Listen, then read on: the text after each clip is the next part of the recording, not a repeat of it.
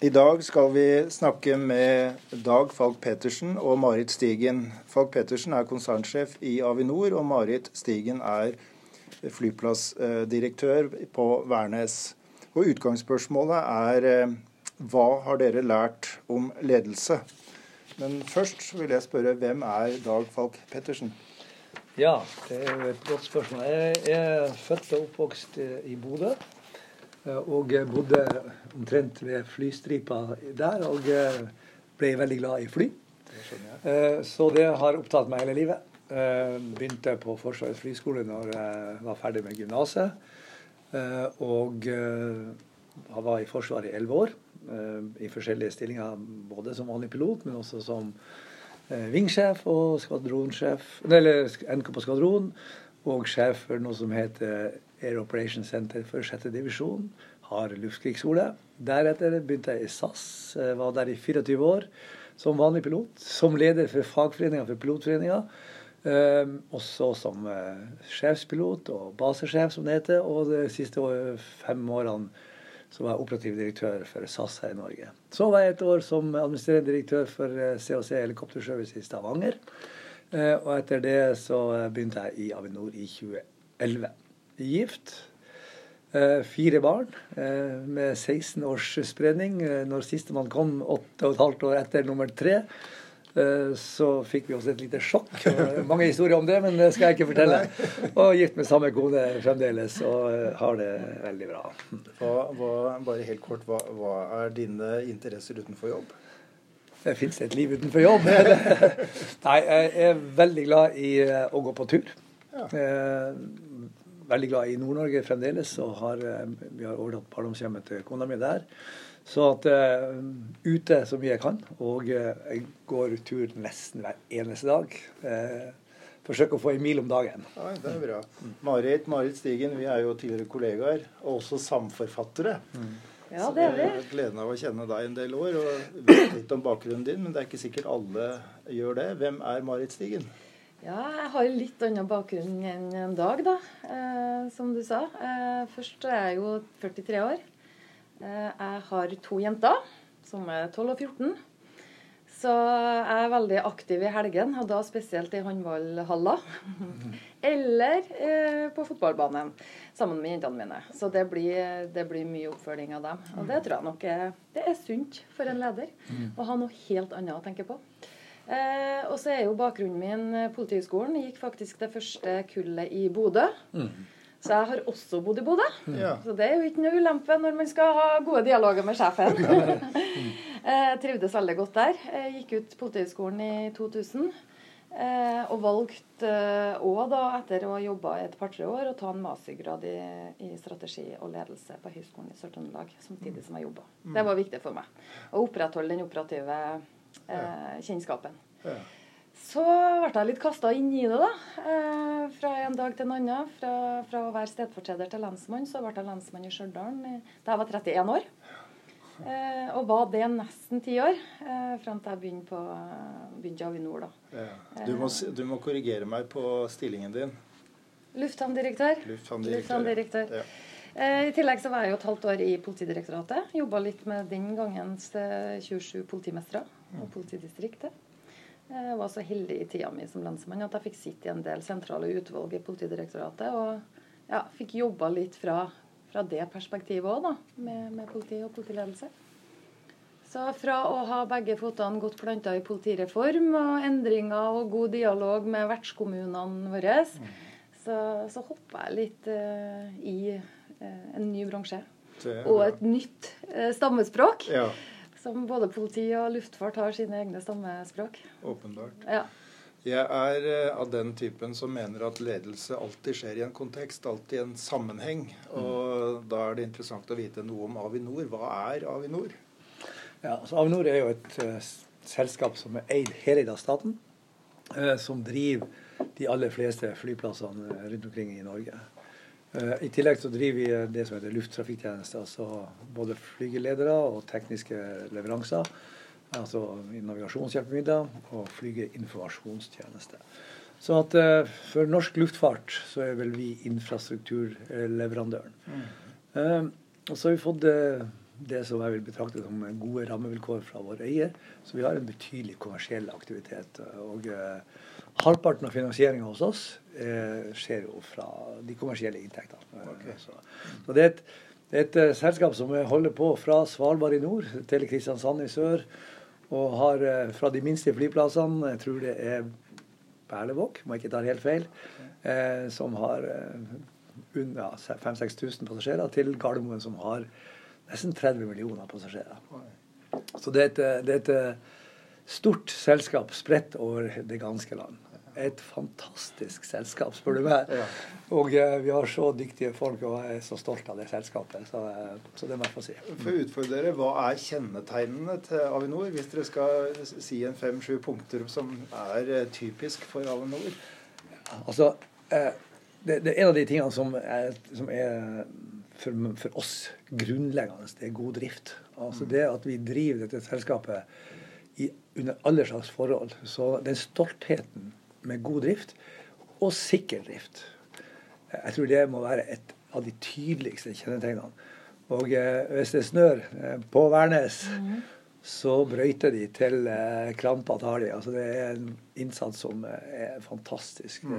å se på. Men også de kommersielle områdene så har vi folk som gjør det de kan for at eh, våre passasjerer skal ha det bra og, og eh, få en god eh, service. Så vi, vi, ønsker jo å ta ansvaret for passasjeren mer og mer. Mm. Og, og, det er en jobb. Men så er jo den jobben er jo veldig forskjellig fra, fra Gardermoen til Berlevåg, det må jeg jo si. Ja, absolutt. Ja. Eh, og det er jo gjenkjennbart òg fra politiet. Jeg kjenner igjen mye ved den kulturen. Det å ha hjertet utapå uniformen mm. eller på på, på brøyteuniformen da, mm. eh, når det virkelig er behov for det. Det var noe av det første som jeg kjente igjen mm. eh, når jeg kom til Avinor. Så mm. den, eh, den, kjenner jeg veldig på i hverdagen. det som også, Hvis jeg skal dra noen paralleller i forhold til politiet og Avinor, så opplever jeg at det er veldig stor interesse fra samfunnet. Fra både enkeltaktører, men også samarbeidspartnere, både for Avinor og politiet hva vi gjør. Vi er mm. viktige. Vi, ja, vi, vi blir lytta til. Ja. Eh, og det er noe som vi tar på alvor. Mm. Så det er klart den der sikre og stabile og effektive drifta som vi snakker om daglig mm. ute på lufta eh, og, må, og, og, i konsernledelsen. ja, ja, absolutt. Eh, den må også krydres da med, med, utvikling og det å faktisk være fortsatt relevant. da, Og en relevant samarbeidspartner. Om det er ja, reiselivsnæring, eller om det er fylkeskommuner eller fylkesmenn, mm. eh, departement, så er det, det er flersidig her. Og utrolig mangfoldig, som eh, Dag sier. Mm. Og så er det jo, det, jeg synes jo det er Noe av det som er betraktninga mi, er at uten at vi gjør jobben vår, så stopper faktisk Norge opp. Mm. Eh, og det betyr at 24-7 året rundt, eh, på lik linje med politiet da, for mm. Marit og, og Forsvaret fra min side, så det er en jobb som må gjøres eh, hele tida. Og det, det, skaper også et engasjement. Ja. Altså det at, eh, at vi føler alle sammen, altså fra den fremste linje til eh, i toppledelsen, føler veldig sterkt på det at jobben må gjøres. Ja. Eh, og, og, det har vært mitt fundament. altså Sikkerhet står øverst, men også kontinuerlig drift. Ja. Så da, da, trekker jeg en, en, parallell til politiet, hvor eh, begrepet samfunnsoppdraget er ja, veldig tydelig. og det, ja. Samfunnsoppdraget, det er jo derfor vi er her. Altså Vi er jo ikke her for vår del, vi er ikke her for å tjene Altså, selvfølgelig må vi finansieres, men mm. det er ikke det som er, det er samfunnsoppdraget som er viktig. Jeg har i, i, jobben min som lærer i organisasjon og ledelse, så har jeg ofte vist til eksempler fra luftfart. Mm. Uh, og det som skjer i cockpit. Og så har jeg brukt eksempler på at uh, alle steder så er det noen sentrale ting som teller mer enn andre ting. Og så mm. sier jeg at for en flyver så vil det være fartsmåler, høydemåler og fuelmåler. Og en gang i, ved NTNU i Ålesund, da satt en, eh, en pensjonert SAS-pilot eh, blant studentene og så sa han, du Glomseth, du må også ha med horisonten. Ja. Altså, hva, hva, er liksom de kjernetingene mm. som dere har fokus på hver dag i Avinor? Hva teller? Altså det, og det er sikker, stabil og effektiv. Det er fundamentet for alt. Og, og jeg var så ja, skal ikke trekke sånn, men vi uh, hadde et eh, styremøte, så sier styrelederen at uh, god drift er faktisk undervurdert. Mm. Og, og jeg, da kjente jeg at dette traff meg virkelig uh, rett der. For god drift gjør at vi kan gjøre de andre tingene. Nemlig vi skal utvikle selskapet for fremtida. Vi skal, vi skal gjøre de rette tingene eh, som gjør at vi også er med eh, definerer definere fremtida. Jeg ble spurt en gang om at vil Avinor være en del av fremtida. Ja, vi skal være mer enn det. Vi skal være med og definere hva fremtida for luftfart skal være. Og eh, det som jo jeg da er veldig trygg på, er at luftfart vil være helt sentral for videre utvikling i det verdenssamfunnet vi skal leve i. Når det gjelder klima, så er det et spørsmål som vi har diskutert masse. Mm. Og det er virkelig masse. Jeg tror vi er blant det luftfartsselskapet i verden som har tatt størst ansvar og ledelse på dette. Um, og um, når vi har fått løst klimautfordringa, altså med å bruke fossilt brennstoff, så er vi overlegent ethvert annet samferdselsmiddel på lengre avstander. Mm. Og det er, våre, det er, en del av vår jobb. Mm. Men i bunn sikker, stabil og effektiv drift. Den mm. daglige jobben som må gjøres av alle våre ansatte mm. der ute. Et litt strategisk spørsmål. Hva var fortellingen da du eh, eh entret eh, stillingen som konsernsjef i Avinor? Hva var fortellingen om Avinor da? Og så til deg, Marit, etterpå. Hva var fortellingen på Værnes da du begynte for to år siden som lufthavndirektør? Eh, altså, det som eh, Jeg kom jo da fra en superkommersiell del av, av, av næringslivet. Eh, CAC Helikopterservice var eid av et såkalt private equity, altså et investeringsfond. Mm. Et amerikansk investeringsfond på et canadisk selskap med en, kanadisk, en amerikaner som konsernsjef det var pengene som telte. Mm. Så kom jeg inn i Avinor, og da er det jo et politisk eid selskap. Det er, det, er en, annen, en, annen, løsning, for å si det, eller en annen uh, metodikk eller mekanik, mekanisme som da trer i kraft. Jeg opplevde selskapet med veldig flinke folk, men jeg opplevde også et veldig diversified, altså et selskap som ikke var veldig strukturert uh, som konsern. Det var mange jeg skal si småkonger. Ja.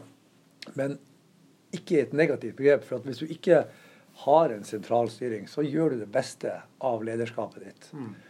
Uh, og det gjorde de. Men et konsern i mitt hode må ha en helt annen struktur. Så noe for fragmentert etter ditt syn? Absolutt. Mm. Uh, absolutt. Altså veldig fragmentert. Ja. Uh, så det har vært en del av jobben min. Ja, skjønner. Da kommer vi mer inn på det etter hvert. Marit, hva var fortellingen fra Værnes? Ja, eh, fortellinga fra Værnes er jo at jeg opplevde en, en, stolthet med tanke på historikken, altså hva man har fått til. Eh, man hadde en ærekjærhet i forhold til den historikken og, og det med å løse oppgavene da, for å skape den sikre og stabile drifta. Mm. Eh, og så erfarte jeg ja, sånn litt trønderlynne, egentlig òg. Sånn, sånn, kulturen. Sånn litt sånn nøktern, eh, rolig eh, atmosfære, da. Eh, og jeg tenker også at eh, man hadde jobba lenge for å være et viktig regionalt eh, verktøy. Eh, jobba godt i den forstand, så man hadde en posisjon i samfunnet. det er vel det jeg vil si. Og så, og så er det jo alltid et sånn utviklingsrom da, mm. i det gode som ligger der. Og Det er jo det som er litt utfordringa når vi hele tida snakker om endringer. For det gjør vi i Avinor òg, ikke bare i politiet. Og litt av utfordringene der det er jo å anerkjenne det som har vært bra. Fordi at vi blir veldig ivrig, inkludert meg sjøl, til å mm. snakke om framtid, utvikling, endring. Eh, og selv om det er en selvfølge for meg at jeg anerkjenner historien, eh, så er det ikke sikkert en selvfølge for den mottakeren av det. Så det tror jeg er litt uh, viktig. Ja, det er vel et ku antageligvis å balansere og ta med seg det gode som har virka, og, mm. og, balansere mot det nye man, mm. nye man må gjøre. Ja. Uten å trykke på delete-knappen for det som har vært. Mm. Ja, og det, det siste kan man aldri gjøre. Men jeg var jo litt rundt rekrutteringa av Marit. da. Ja. Uh, det var, eh, altså Vi hadde jo en veldig dyktig lufthavnsjef i Lasse Bardal på, på Værnes, som gjorde en, gjort en formidabel jobb i veldig mange år. Så gikk han over i en ny posisjon, og, så, eh, og det var veldig mange søkere. 50-60 søkere. Um, og på slutten så var det, eh, det var tre kompetente søkere, må jeg si. Og så i intervjurunden med, med Marit, så altså, jeg, Etter mine begrep, da Det er jo det er ikke noe digitalt i dette. altså det er jo, må danne et inntrykk av det som du ser det. Eh, så hun skåra veldig bra. Så det var ingen tvil om at dette var en, et potensial som, som fenga meg, og som var mitt valg. Men så det som virkelig toppa det, det var i søknaden så står det at uh, humor og humør ja. var en viktig del av hennes uh, atferd og ledelsesfilosofi. Og det er for meg ekstremt viktig i ledelse. Ja. At man leder med godt humør. Altså Hver dag er ikke godt humør, hver dag er ikke jubel. Men hvis du er, blir for trist og ser tungt på det, ja. så blir hverdagen tung. Og for meg, da, som skal lede Marit eh, Krevende oppgave Nei, til. Men det at du har en som, eh, som, ser, som ser mulighetene ser hva som er mulig, mm. hva som tar med seg humøret i den jobben, det var utrolig viktig. Så, så jeg er jo veldig tilfreds med å ha fått Marit eh, om bord. Mm. Det overrasker meg ikke. Det gjør det ikke. Eh, vi har kommet inn på ledelse og lederskap. Eh, hva forstår dere med lederskap sånn generelt sett? Hva er, hva er deres forståelse av det? Det diffuse begrepet? Utrolig stort spørsmål, da, Rune. Ja.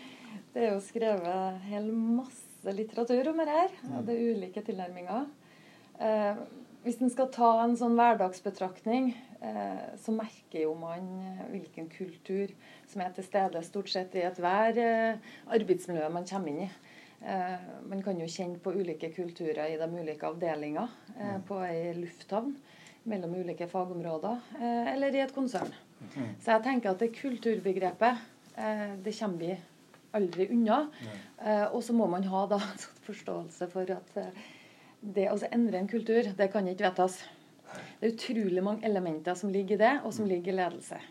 Det med hvilke ledere rekrutterer du, som en dag var inne på. Eh, hvordan setter du sammen laget? Eh, det at du faktisk rekrutterer ledere som er komplementære til dine mm. egne egenskaper. Ser ting på en annen måte, som er flinkere enn deg. Litt den Petter Stordalen-tankesettet. Mm. Um, og så er det jo hvordan ser du på utfordringer, sånn som dag var inne på. Ja. Eh, og jeg husker jo et foredrag som du og Tom Karp holdt eh, for en del år siden. Der dere tegna to sirkler. Der den ene sirkelen, der det står offer i den ene sirkelen, og det står aktør i den andre. Mm. Så kan man velge å skrive problemorientert eller, og løsningsorientert mm. i stedet for offer og aktør. Mm. Men det som har kommet mer og mer tydelig fram for min del, det er jo det at man kan ta et bevisst valg som leder. Hvilken tilnærming man skal ha. Fordi mm. at hvis alt blir vondt og vanskelig, hvis man ser problemer mm.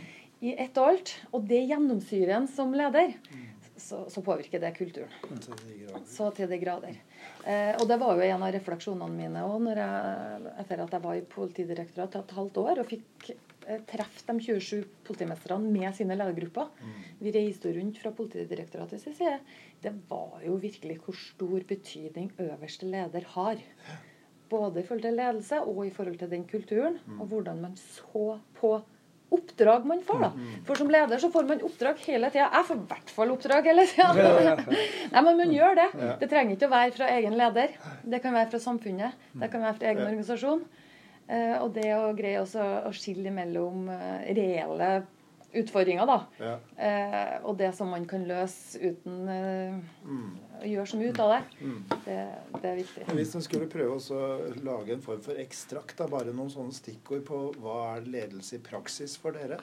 Altså for, uh, um, jeg, jeg, vil si at for, for min del så begynte uten at jeg var bevisst dette i det hele tatt, så begynte dette veldig tidlig. Altså Jeg var i speideren ja. jeg var liten. Uh, og altså jeg har nok et innebygd konkurranseinstinkt som kan være litt plagsomt av og til, for å si det forsiktig. Uh, og i Forsvaret så var det å bli nummer to i krigen var aldri en god løsning. Mm. Uh, men det har prega meg, det at jeg vil noe med den, min egen gjerning, men også med den organisasjonen, den ja. gruppen vi er i. Så for meg så er det også gjennom å lede eller ledelse eller organisasjon å skape et resultat mer enn det vi har i dag, har alltid vært et mål for meg. Mm. Så det å skape en kultur, en holdning som gjør at du har lyst til å oppnå noe mer enn det du gjør i dag, mm. altså gå, gå ett steg videre, eh, har prega for meg da, i, mm. i, min ledelsesgjerning, hvis du skal kalle det sånn. Og eh, eh, hele tida, altså også i Forsvaret når jeg var der mm. eh, Fikk et oppdrag hvor, hvor, det ikke sto så bra til. Og, og så, hva gjør vi nå? Mm. Sett meg ned sammen med de som er rundt meg. og så Hva skal til for at vi blir eh, blant de bedre, blant de beste? Og det å drive både meg sjøl, eh, de rundt meg og hele organisasjonen til å ta den holdninga, er en del av mitt, uh, min, min, gjerning. Og så må jeg jo si det at da jeg var da i Forsvaret, så de første årene før jeg begynte på Luftkrigsskolen, så der ble vi jo, altså Jagerpilot ble jo dyrka som uh, altså, top, top, of the line og fremste spiss alt sammen. Så var jeg på Luftkrigsskolen, og der var det et større, uh, større miljø. Og der ble jeg guida ganske tydelig blant mine kollegaer som sa det at du, uten oss er du ingenting. Og det har de helt rett i. Okay. Så at det at vi er alle om dette, en del av min, mitt ønske for en kultur. Ja. Uten oss er det ingenting. Altså uten at alle er med, mm. så er den lederen på toppen ingenting. Så det å skape en kultur for å drive oss videre, og ta ledelsen i den prosessen, selvfølgelig. Mm. Og eh, når jeg hadde vært i Avinor en stund, så, så mente jeg at dette selskapet her har potensial til å bli et ledende norsk konsern. Altså et virkelig ledende norsk konsern. Mm. Ta steget virkelig opp i A-laget. Og uh, jeg har møtt ledere på alle nivåer i hele det norske samfunnet. Altså ikke alle, selvfølgelig, men på alle nivåer. Og de er de beste er ikke annerledes enn det vi er. Altså enn det Marit er, det jeg er. Mm.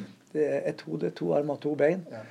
Sånn at det er opp til oss sjøl å skape den kulturen og ta ledelsen i å utvikle den kulturen. Men da, da tenker jeg vilje. Eh, altså Du har en vilje til å gjøre noe, oppnå noe sammen med andre. Og i enden av lederskapet ditt så er det resultater Absolutt. Og det, det altså jeg er jo selvfølgelig resultatorientert. Ja. Men jeg hører også at du, eh, du Jeg oppfatter da at du tenker mer bortoverledelse enn ned, nedoverledelse. Fordi at du leder sammen med andre, og du skal ha med alle. Ja, det, og det er jo det er målet så må jeg jo innrømme at det er veldig fort gjort å spole av gårde i 100 ja.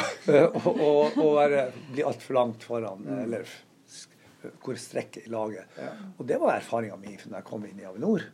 At eh, jeg så et fantastisk potensial i selskapet. Og så var jeg ute på avdelinga og fortalte om det. Men det de var opptatt av der, det var å få orden på vaktlista. Ja, ikke sant? Og, og da, da, Jeg skal ikke si at jeg feila, men det var ikke langt unna. Det var veldig krevende. og dra seg ned tilbake og begynne med sikker, stabil og effektiv drift i det daglige. Okay. Eh, Marit, eh, sånn som jeg har lært deg å kjenne, så ligner din måte å være leder på og utøve lederskap på mye på det Dag Falk Pettersen beskriver her. Sånn oppfatta jeg deg i politiet. Eh, og det gir en sånn overgang til altså Hva har du tatt med deg i ditt lederskap fra politiet og over i Avinor? Mm. Um, nei, det stemmer, det stemmer, Rune. Altså, det handler om filosofi og, og hvordan man er da, som menneske og som leder. Um, jeg kom jo egentlig fra en uh, mangeårig prosess, en politireform, uh, som vi i stor grad uh, fikk være langt fram, fram på da, i Trøndelag for Stjørdal, i Malvik og de kommunene rundt. Vi fikk kjøre noen piloter i, i forbindelse med politikontaktordninga, og fikk med oss Eh, samfunnet opplevde. Mm. så det som jeg har tatt med meg fra den prosessen der, eh, det er jo det at i endring Eh, og ledelse, eh, som egentlig er to sider av samme sak, så blir en organisasjon naturlig nok veldig introvert. Man får fokus på seg sjøl. Mm. Eh, hvordan har vi det i dag? Dette blir vondt og vanskelig for oss. Og så glemmer vi litt samfunnsoppdraget som vi har snakka om, og det eksterne fokuset. Mm. Vi så det i politiet at vi fikk så mye ekstra drahjelp med, ved å spille på lag med kommunene, på, med samarbeidspartnerne, som plutselig ble de viktigste aktørene som snakka oss opp mm. og fram. Mm. Eh, og at det gjorde noe med den interne kulturen. Mm. Så den der eksterne kommunikasjonen, om det er redaksjonelle saker, eller om det er Facebook-innlegg fra, fra, ordførere i, mm. i regionen osv., det ble en positiv greie for kulturbygginga eh, der jeg kom fra. Mm. Eh, så det var jo noe som, eh, som, jeg hadde med meg. Og grunnen til at vi fikk til det, det var jo det at tillitsvalgte, eh, ledere av alle, skal du si både kjønn og aldre, Eh, eldre lensmenn som har vært i gamet kjempelenge, var med på å være langt fram i skolen. Mm. Sitte i det berømte førersetet med hånda på rattet og være med å forme mm. politiet sin framtid i Værnesregionen sjøl. Mm. Så det var jo nok hovedgrunnlaget som jeg tok med meg til Avinora. Mm. Hvordan skal vi bli relevant og konkurransedyktige framover nå? Mm. Eh, skal vi sitte og vente? Eh, skal vi kanskje putte strutsehodet i sanda? Mm. Eller skal vi være langt fram her nå og skape en kultur der både ledere og ansatte fortsetter å utvikle var det? Var de spørsmålene dine, som er uttrykk for en ideologi, da, var det fremmed for de du møtte da du begynte i Avinor? Nei. Nei. Nei. Det er jo ikke så veldig rart. Altså, det, det, er jo egentlig tanker som jeg møtte Nå har jo en Dag snakka om intervjusettinga allerede. Mm. Mm. og snakka litt om sine egne eh, verdier. Ja. Eh, og det er klart eh, inntrykket etter én time med Dag, da, intervjusetting, det var det her var det en Avinor-sjef som hadde Avinor i hjertet langt utapå den blå skjorta. For det er stort sett blå skjorta. jeg blir mobba for at jeg har bare blå skjorte. I julegave fikk jeg ei blå ruta skjorte. Vi følger den utviklinga. Ja. Men, men det, og det er et inntrykk etter én time, og det er en litt sånn smånervøs mm. Eh, intervjukandidat. Så det er ingen som kan ta um, Avinor, intensjonene til, til konsernsjefen, eh, så nå i tvil eh, i forhold til den engasjementet omkring Avinor. Eh, og det samme opplevde jeg, selv om det er en nøktern trønderkultur, som jeg sier. Jeg opplever at man på Værnes hadde jobba i mange, mange mm. år eh, for å, å, være relevant og være langt fram i mm. skoen. Som, eh, som utdanna i Forsvaret og jagerpilot, og, og, så inn i SAS, hva, hva, har du tatt med deg fra din tid i, i Forsvaret? Du har så vidt vært inne på det allerede. Altså, jeg må, jeg må, innrømme det at de første to årene i SAS var ikke noe høydere. Altså, da kom jeg fra F-16 og hadde henta nye fly nede i Amsterdam, og det var bare helt fantastisk. Og så var det en gammel DC-9. Så jeg var faktisk på vei tilbake til Forsvaret, men da hadde vi flytta sørover, så det ble ikke noe av det. Eh, men det jeg savna da, det var å få utøve det lederskapet som jeg hadde i, eh, i eh, Forsvaret. Så at jeg valgte jo da det jeg kunne for å så ikke nødvendigvis lederskap, men kom tilbake i noe som ga meg noe mer enn bare å fly. Og bare å fly jeg må ikke oppfattes negativt. Nei. Men for meg så var det viktig å gjøre noe mer enn det å fly. Jeg er veldig glad i å fly, og flyr fremdeles og har et gyldig sertifikat, tro det eller ei, selv om jeg havner i en pytt nede på Sørlandet. Eh, så, så, eh, så, er jeg veldig glad i å fly, men jeg er også veldig glad i å få til noe mer. Og, og det som i Avinor, da, man får si det, det som er Avinor er viktig for meg, det er at for våre ansatte å skape ei fremtid. For, altså, I motsetning til politiet, som jo kommer til å være der og kommer til å være en etat i evighetens perspektiv, mm. så er jo Avinor et aksjeselskap mm. og som er utsatt for konkurranse på alle områder. Og det har vært eh, bølger frem og tilbake. Men å skape en tryggest mulig arbeidsplass for våre ansatte i dette fantastiske selskapet, så må vi gjøre oss relevant. Akkurat som Mari sier. Mm. Da må vi vise at det er vi som er verdige til å gjøre dette mm. oppdraget. Og vi er på vei. Altså det, vi har altså et omdømme i dag som aldri har vært så bra som det er. Mm. Eh, vi har løfta oss på alle parametere samtidig som vi gjør gode økonomiske resultat og operasjonelle resultat og sikkerhetsmessige resultat. Mm. At, eh, og at vi er relevante i forhold til klima. Alle de her tingene som er viktige. Men, men jeg, jeg, ser jo det at når du sitter på toppen, det er veldig fort å glemme de som står i hverdagen. Altså Det blir de store linjene. og så da er det viktig å hente seg inn, gå tilbake, snakke med de ansatte. Selvfølgelig de tillitsvalgte er viktig, men de ansatte. Se de ute på, på lufthavna til Marit, og være der oppe og snakke med de, eller i eh, Honningsvåg, eller hvor det måtte være. Sånn at du aldri glemmer det perspektivet.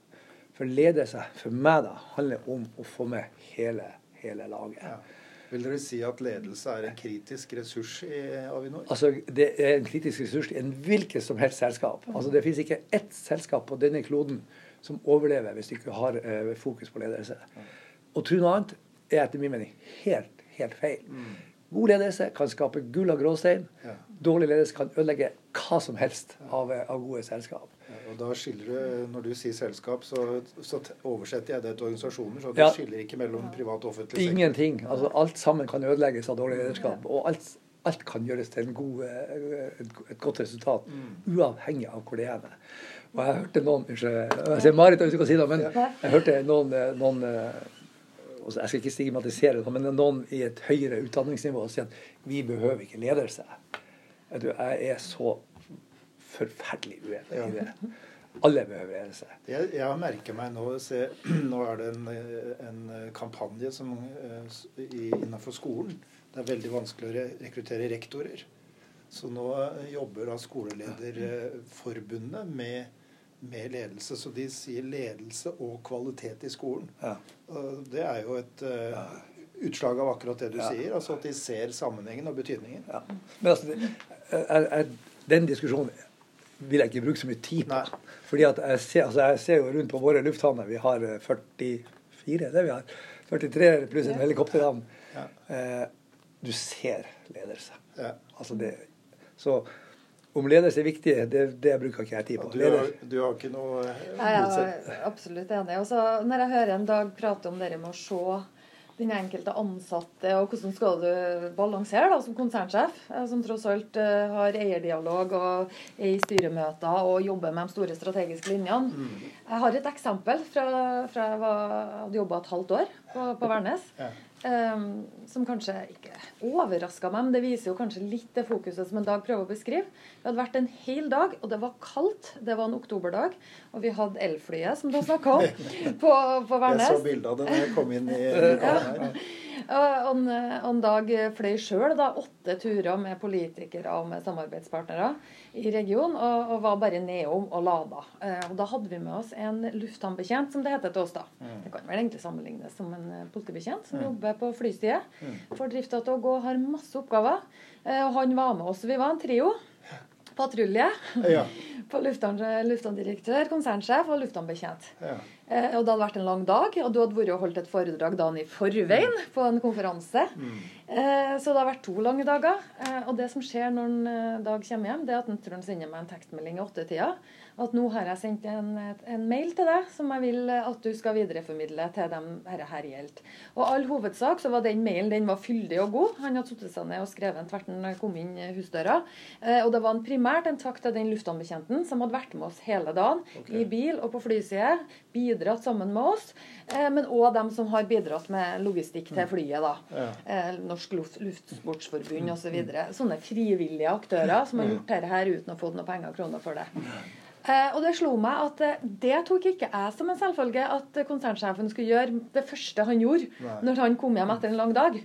Eh, der han har levert sjøl òg. Eh, og det er klart det betydde veldig mye for luftambetjenten. Og hver gang jeg treffer han, er og et halvt år etterpå, så snakker vi om den dagen mm. på flysida.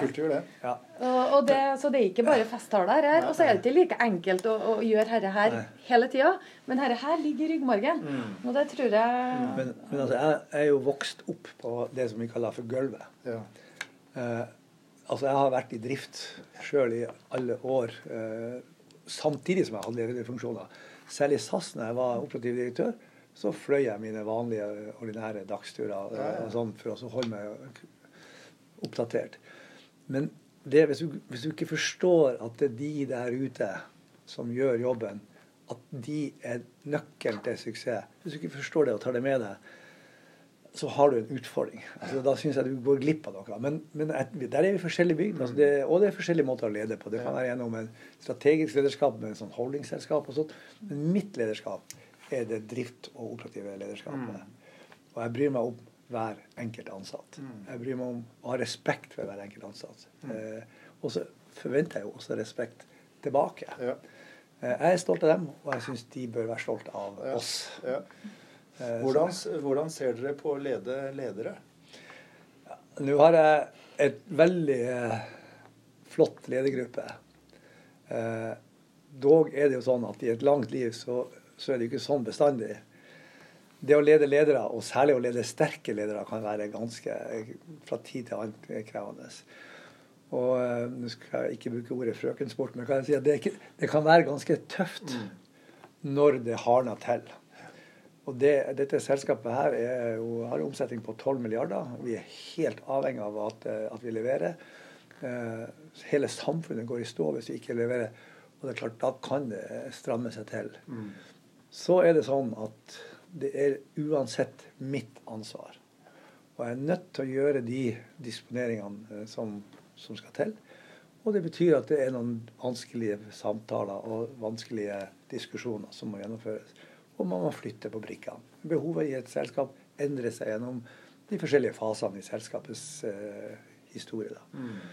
Og det er, en, det er ikke noe enkel oppgave, det må jeg si. Mm. er eh, og jeg gjør det av og til med stor suksess, eller med vellykket, og andre ganger kunne jeg kanskje ha vært bedre. Men, men det, er, det, er åpenbart at du har en bevissthet av refleksjoner rundt ja, ja. det. Ja. ja. For det er en ting som, eh, som jeg har opplevd i, i, den rollen jeg har hatt som lærer av uh, politiledere. Det er at man veldig fort får et fokus som er veldig eh, Altså at lederskapet er ledelse av medarbeidere, og gjerne en liten gruppe medarbeidere. At det ofte er hovedsynet på ledelse. Mens eh, mens jeg prøver å bruke et, en metafor. altså Én ting er å lede et tog, noe helt annet å lede en hel jernbane. altså mm. det, det, er ja. så klare å mm. hva, hva, tenker du, Marit? Ja, altså, og det å anerkjenne at det er eh, i det daglige også mer krevende å stå ute i spydspissen som leder, da. Mm. Eh, det er to helt ulike eh, eh skal du si, kvaliteter man trenger mm. som leder. Jeg er jo ikke så veldig kjent for å være den mest tålmodige og, og ha den der biten der, men jeg ser jo det at mange av mine ledere eh, som er lenger ute i organisasjonen, har mye sterkere kvaliteter der enn meg. Mm. Og da tenker jeg at da er den øverste leders ansvar å faktisk snakke om det òg. I et eh, lederkollegium, mm. også med ledere med flere, der det er flere ledernivå til stede. Eh, fordi at da tror jeg at du Da, da får du den ekstra energien da, mm. eh, der ute òg.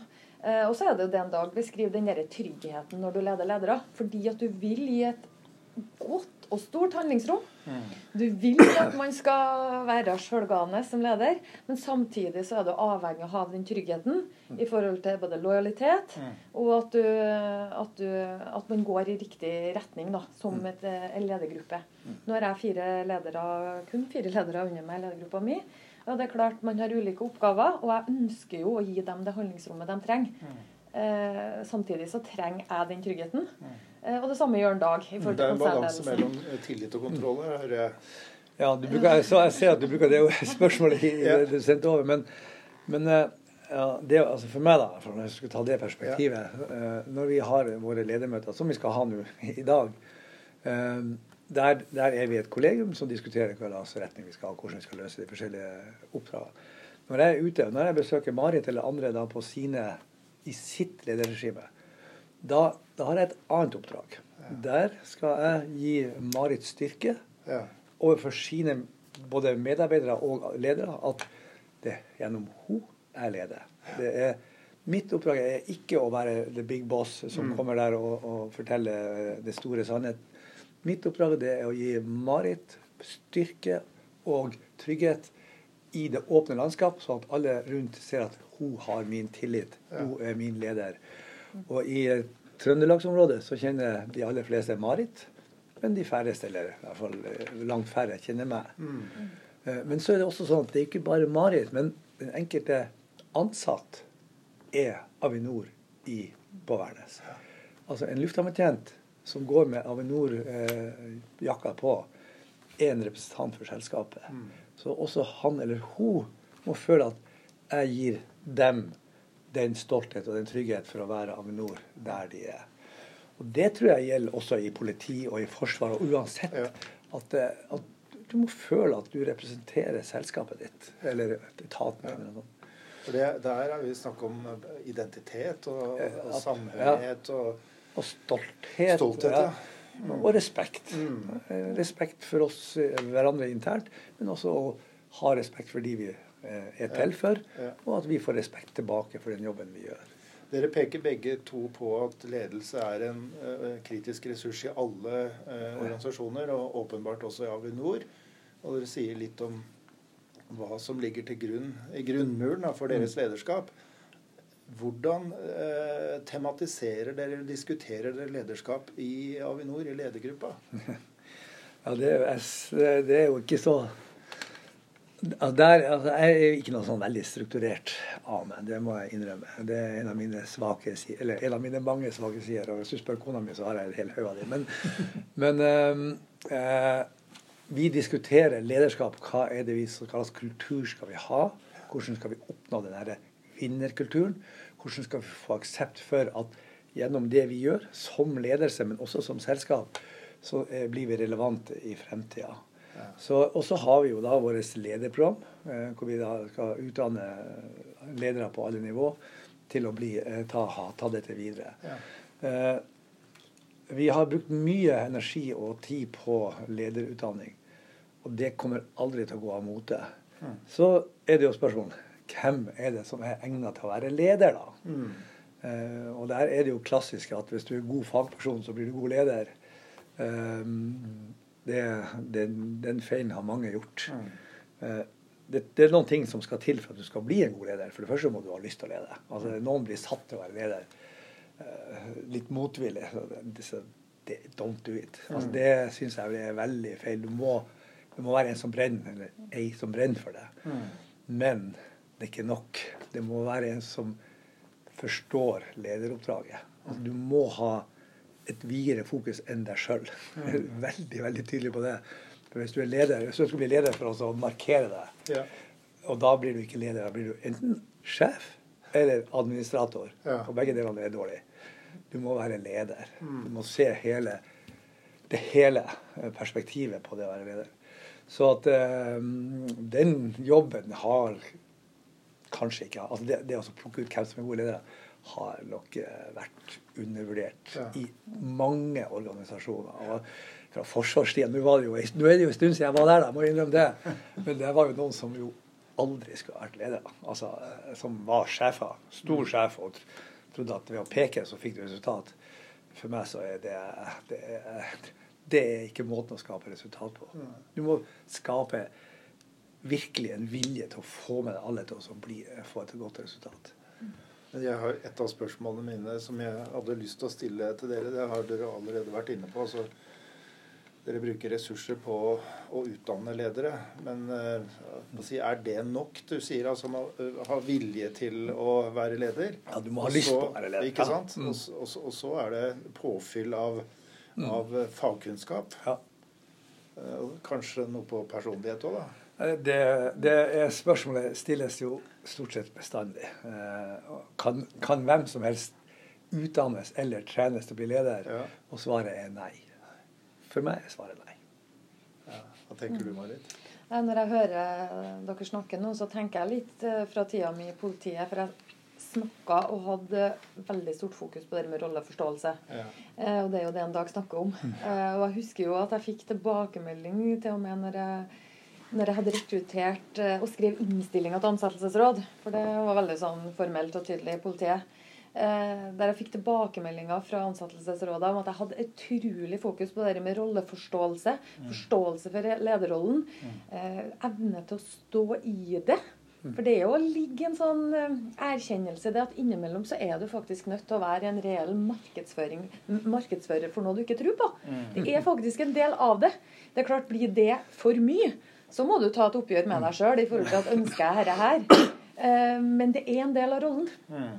Eh, så ja, ehm, jeg er enig med en Dag at det ligger, det med rolleforståelse kan ikke læres. Og det er ikke bare med ledere heller. Skal en organisasjon lykkes og totalt sett, så er alle rolleinnehaverne nødt til å ha rolleforståelse. Mm. Tillitsvalgte, mm. verneombud som mm. viktige personer, men òg fagansvarlige og den enkelte ansatte. Mm. Så det å snakke om rolleforståelse, da, og i hvert fall gjøre det på en sånn måte at det blir relevant, eh, det har jeg veldig trua på å bruke sånne ord. at Innimellom så er vi faktisk nødt til å stå i en del ting sammen.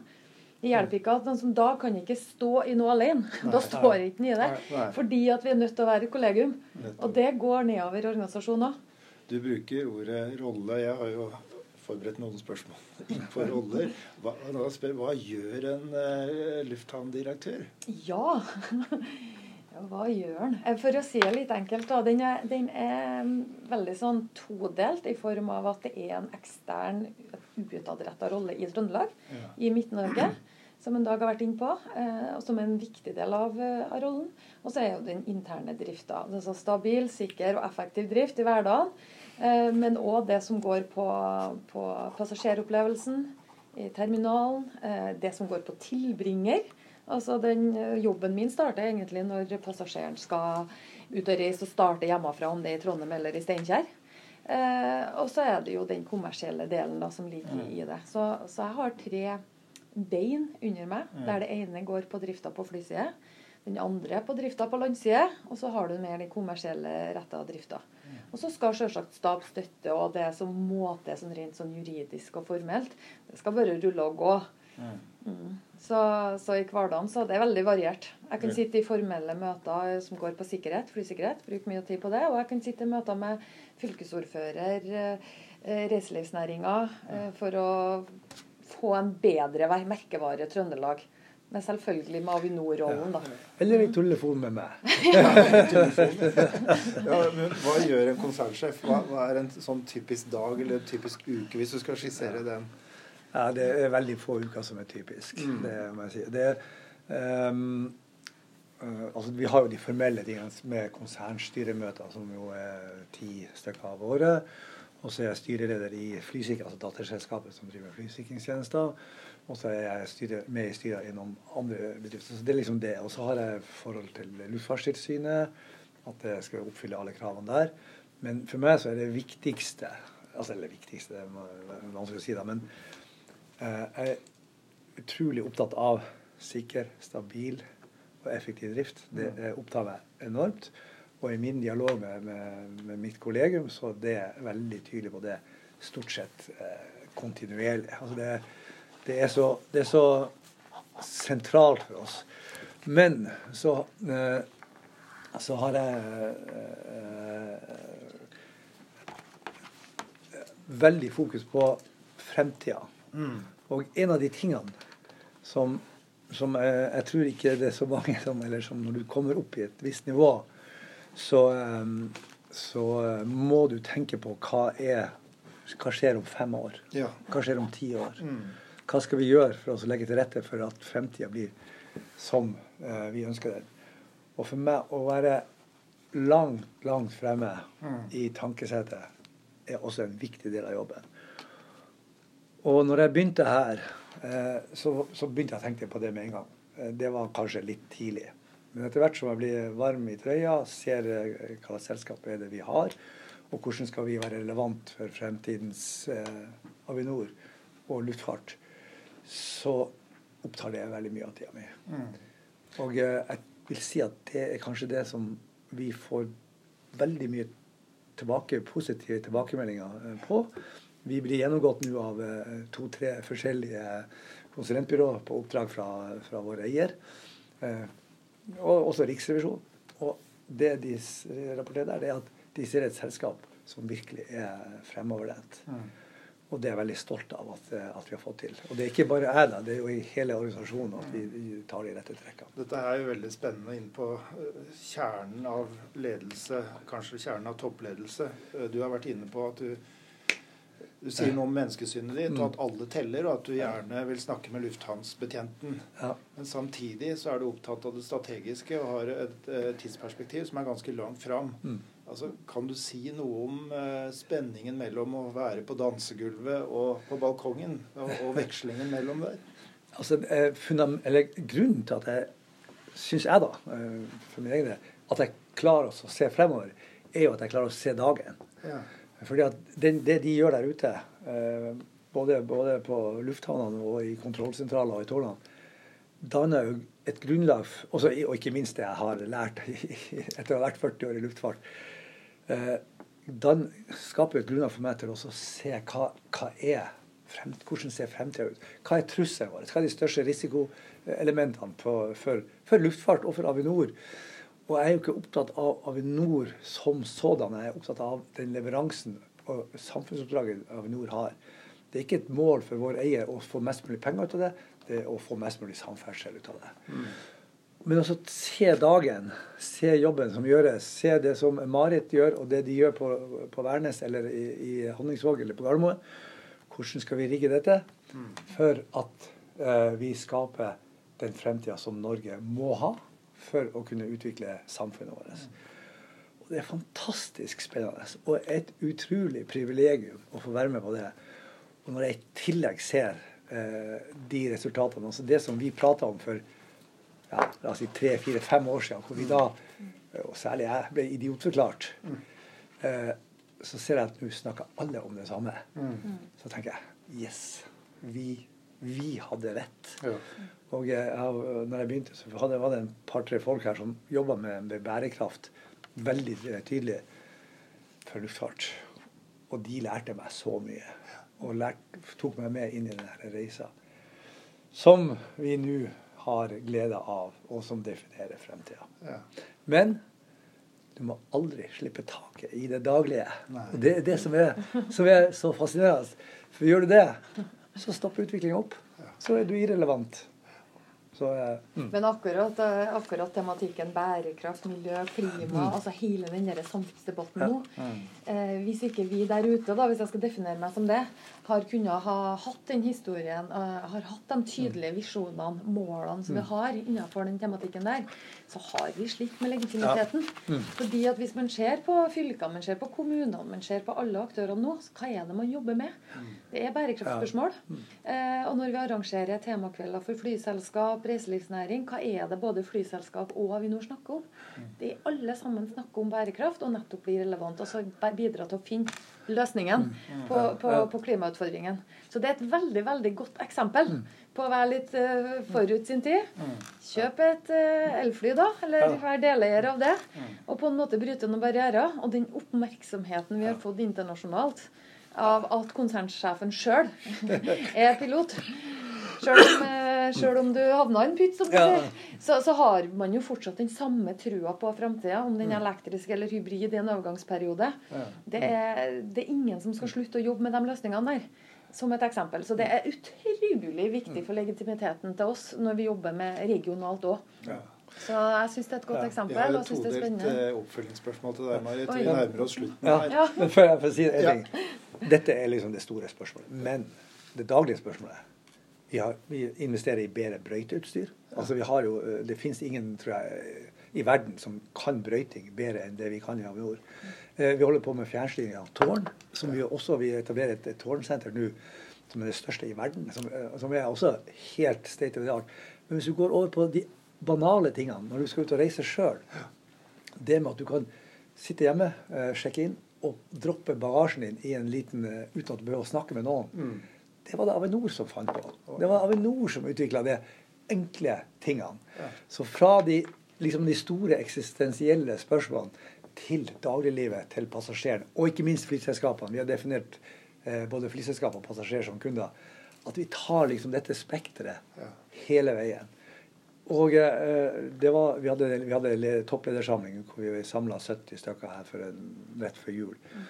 Hvor da eh, en av våre aller største kunder står på scenen og si det at på alle de, alle de landene de opererer, eh, og det er ganske mange, er 70-talls, så er det ingen tvil om at det beste landet når det gjelder lufthavn, det er Norge. Uten, ja. Og på IT, på teknologi, men også menneskene. Og, og da jeg blir så stolt at da er det like før jeg går ut av mitt eget skinn. Og det er ikke på vegne av meg sjøl, men det er på disse fantastiske folkene vi har som gjør denne jobben hver eneste dag. Og før, Jeg bruker hver jul å ha, eller før jul å ha en sånn samling med pensjonistene. De la jo grunnlaget. Og, og så ser disse voksne menneskene, til og med eldre enn meg, tenker at de har vært med og skapt denne uh, utviklinga som gjør at Norge har et av verdens beste luftfartssystem. Ja, Det er virkelig å trekke de lange linjene som jeg synes som gjør meg veldig Og jeg har tenkt også å sørge for at jeg skal være med på å trekke de videre inn i fremtida. Mm, spennende. Todelt spørsmål til slutt, Marit. Eh, hva eh, vil du at fortellingen om deg og eh, Værnes lufthavn skal være når du en gang trer ut av rollen? Og det siste, hva har du lært om lederskap så langt i din karriere? Så langt i livet, ja. Eh, jeg kan svare på det siste først. Innsikter, ja. Eh, ledelse så langt i livet. Altså, mennesker er mennesker uavhengig av hvilken organisasjon man er i. Altså, mm. det er mekanismer, hvordan folk har, fungerer opp mot hverandre, hvordan avdelinger og organisasjoner fungerer. Det er tross alt mennesker. Så den respekten du skal ha både for individ og grupper, eh, den må være med. Eh, I tillegg så er det det en dag har vært inne på, at du kan ikke spille Du kan ikke se deg sjøl i speilet om morgenen og tenke at uh, i dag så skal jeg spille den og den rollen som leder. Eller opp, oppnå det og det. Fordi at uh, Sjøl om du ikke er sånn som person. Sånn at uh, du må være tru med det speilbildet du ser i om morgenen. For ellers blir du gjennomskua som leder. og da sier ikke jeg det at du, du nødvendigvis Eh, skal være deg sånn 100, 100% sånn som du er på fritida. Du, du, har en rolle, mm. men du kan ikke spille, være en skuespiller med en annen som, eh, en annen person som du er. Eh, og da, det første spørsmålet, da tror jeg at jeg ønsker å bli huska som en eh, ja, framtidsretta og offensiv leder. Eh, som folk syns det er realt og hyggelig å drikke en kopp kaffe sammen med i sofaen på ei nattvakt eller på ei dagvakt. Ja. Det ønsker jeg. Flott. Sånn som vi sier i Trøndelag, vær tilsnakkende. Ja, ikke sant. Ja. Men hva tenker du, hva, fortell, hva vil fortellingen om uh, Værnes uh, lufthavn være? Um, Slik du håper det? Ja. Uh, det, det, blir jo litt det samme. Mm. Det at man har greid helt konkret blitt konkurransedyktig og greid å skape en organisasjonskultur som bærer preg at man i hverdagen tar hverandre på fersken og gjør noe bra. Ja, I stedet for å gå og lete feil. Ja, så bra. Tusen takk. Mm. Dag Falk Pettersen, hva, er, hva, ønsker du å være eh, altså, Hva har du lært, og hva vil du eh, at fortellingen om Avinor skal være? Altså det eh, kanskje Lærdommen rundt ledelse det, det, er jo veldig mangslungent. Det er jo et langt eh, lederskapsliv jeg har levd, levd også. Eh, men jeg tror kanskje aller viktigste er at du må bry deg om de du skal lede. Og det er ikke bare de ledergrupper, eller noe sånt, det er hele selskapet. Du må faktisk bry deg om dem, og du må ønske dem vel.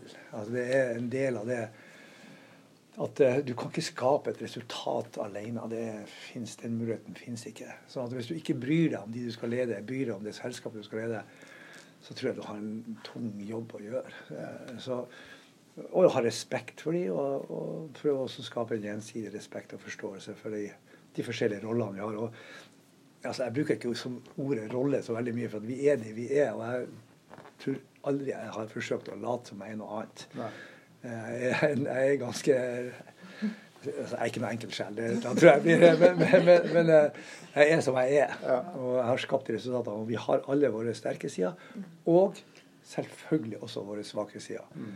Og den som tror at han er perfekt, eller hun er perfekt, har en utfordring. Mm. Eh, men det jeg vil ønske å bli huska for, det er at jeg har klart eh, tre-fire ting. Det ene er å oppfylle den jobben som eh, eiere og, og selger, altså staten, forventer oss. at Det, det ønsker jeg at, at, vi skal ha levert på. Eh, jeg ønsker at våre passasjerer og flyselskap opplever at de har fått et selskap som tar dem på alvor eh, og gjør det som er rett, sånn at de kan eh, fortsette å fly. For fly er et fantastisk fremstilsmiddel.